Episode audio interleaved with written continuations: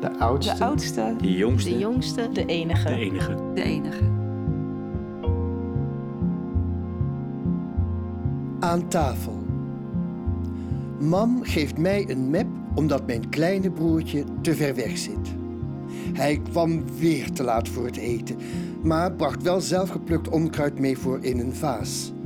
Zo'n joch van zes, dat al precies weet hoe een moeder moet. Hij, het mooiste zoontje, zit tegenover haar. Ze wil hem in haar ogen. De lelijke zoon moet in de buurt van haar handen. Mijn zusje heeft daarvan geen last. Zij pikt een worteltje alvast.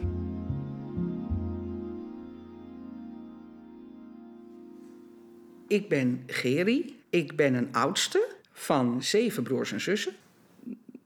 Ik denk dat het zo ging, een groot gezin krijgen.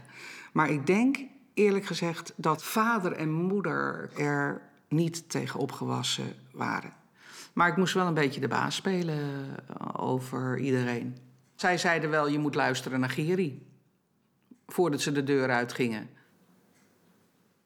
Ik ben Iris, de oudste van drie kinderen. Veertien maanden later uh, dan dat ik was geboren, werd mijn zusje geboren. En uh, op alle foto's dat mijn zusje zeg maar net een paar weken is, heb ik een gigantisch blauw oog. Omdat in een van de eerste dagen dat zij er dus was, ben ik van het bed afgekukeld. Omdat niemand mij in de gaten hield. Dus had ik echt zo'n gigantisch blauw oog. Het was een soort van bewijs. Zo van, oké, Iris kreeg echt minder aandacht. Ik ben Casper en ik ben de oudste van uh, een gezin van vier mensen. Mijn uh, vader, mijn moeder, ik en mijn zusje.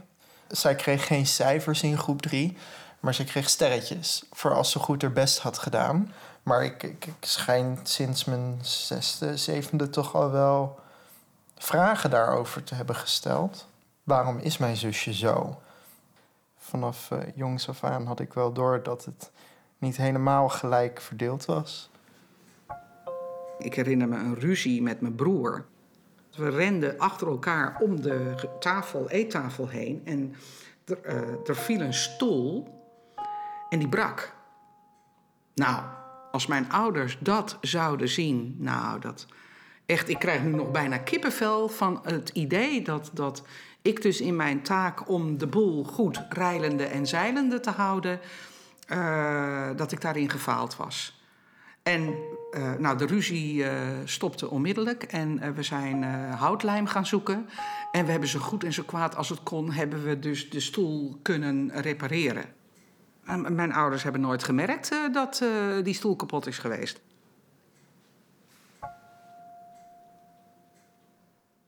Ja, ik, ik kon mijn zusje wel echt haten. Echt haat en nijd. Heel vervelend zei mam, ze slaat me. En dan hoorde je Roos, ik raak je niet eens aan. En dan zei ik, ik voel het toch. En dan zei mijn moeder, nou, hou eens op jullie twee. En ik kreeg dan te horen van, ja, en jij moet niet zo happen... of jij moet niet zo vervelend doen. En je bent oudste, dus jij moet de wijste zijn. Wanneer zij heel hard had geleerd voor een, uh, voor een toets en uh, daar net een vijf voor haalde, dan, dan was dat eigenlijk. Oh, Tim, je hebt heel goed je best gedaan en dat is echt. Uh, nou, dat is, al, dat is al de helft en dat is heel goed. En um, bij mij zijn er ook wel eens momenten geweest dat ik woorden gebruik zoals comorbiditeit, waarop ik toch thuis wordt teruggefloten. Van, maar maak het nou zo begrijpelijk dat iedereen het kan.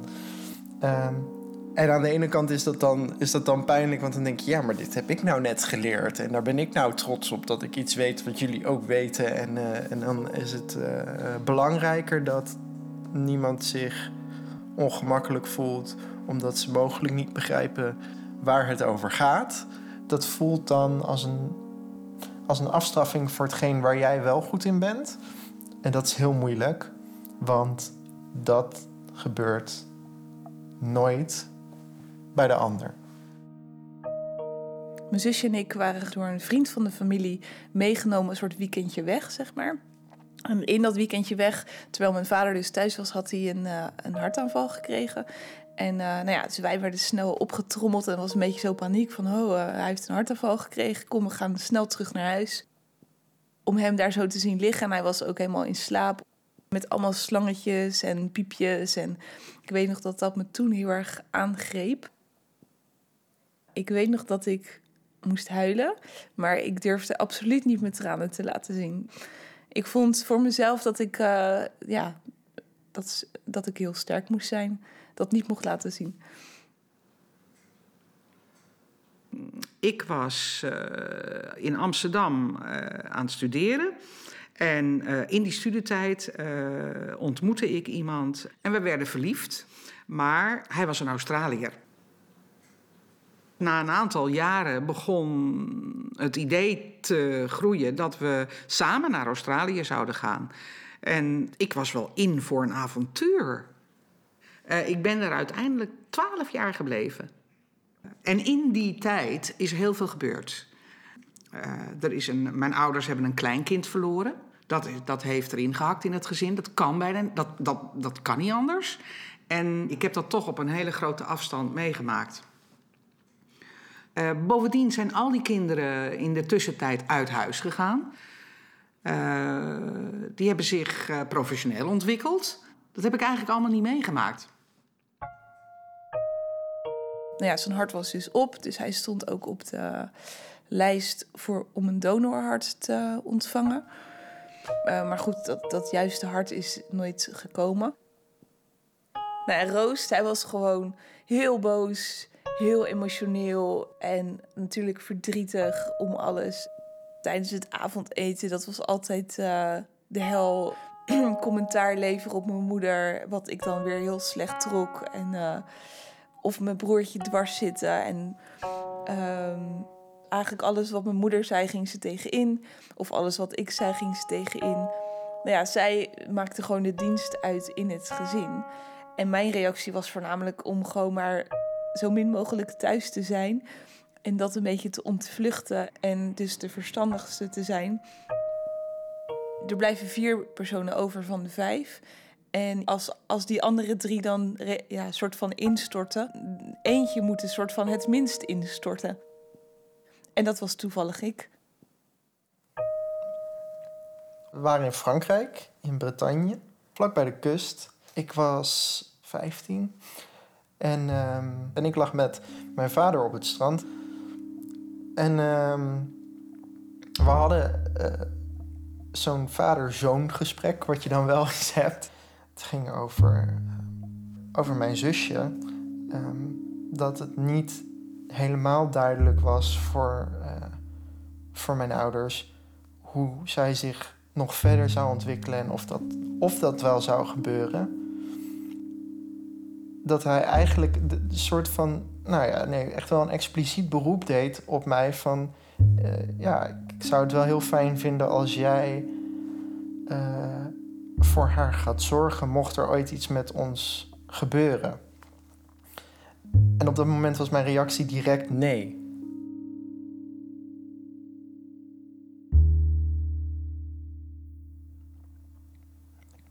ik heb misschien al wel het gevoel gehad dat ik heel veel heb uh, misgelopen.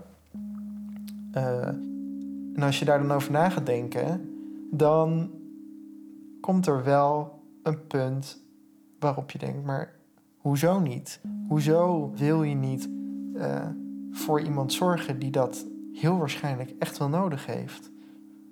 Wat maakt mij dat dan voor mens?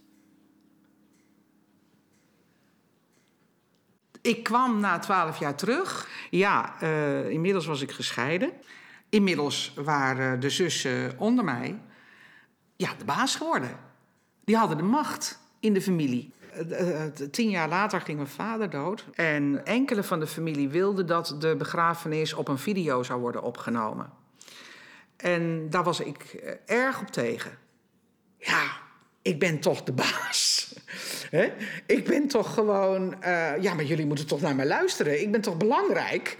Ik was niet meer degene waar, die men als leider accepteerde. Ik denk dat dat wel uh, doorslaggevend is geweest in het veranderen van mijn idee over dat ik de oudste nog was. Dat was ik dus niet meer ja, ik maakte me wel eens zorgen om ze. ik zag ook wel dat mijn zusje had niet zo een paar niet zulke leuke vrienden en vriendinnen. En ehm, ja, die vertrouwde ik niet. En dan dacht ik, jeetje, waarom ziet ze dat zelf niet? Waarom gaat ze met die mensen om? Nou ja, toen ik eenmaal zag dat zij ehm, het heel erg naar haar zin had uh, bij haar studie. En toen ze op zichzelf ging wonen. Ze kreeg ook een leuke vriend en zo. Ja, um, ja ben ik wel heel, heel trots op. Ik was weggegaan bij mijn vriend. Het was eigenlijk meteen wel duidelijk dat ik bij mijn zus terecht. Zij zei ze, nou, ik zou me echt gepasseerd voelen als je nu naar iemand anders zou gaan. En ik ben je zus en uh, als je bij iemand terecht kunt, dan is het bij mij. Ik vond het um, heel fijn om, om toch even in, ja, voor mij wel een lastige tijd, in ieder geval één plek te hebben waar ik um, zelf een beetje stabiel, stabiele factor had. En uh, dus ik heb er uiteindelijk precies een half jaar gewoond. Als je continu in die, in die zorgrol zit, dan, dan ben je niet meer iemands broer. Dan ben je uh, ja, bezig met, met de spelregels uitleggen. En uh, ik wil heel graag dat ze uiteindelijk een eigen huisje heeft. En ik weet ook dat zij dat wil, heel graag, uiteindelijk. Uh, dat iemand het, het zelf gaat rooien. En natuurlijk met hulp. En die hulp die zal ik ook bieden. Maar ik zou het uh, fantastisch vinden als je op een gegeven moment uh, bij elkaar op bezoek komt. En gewoon een wijntje samen drinkt. En kan vertellen over hoe je week of maand is geweest. Ik wil dat ze mij niet ziet als iemand die haar alleen maar vertelt wat ze moet doen. Of hoe ze het zou moeten doen.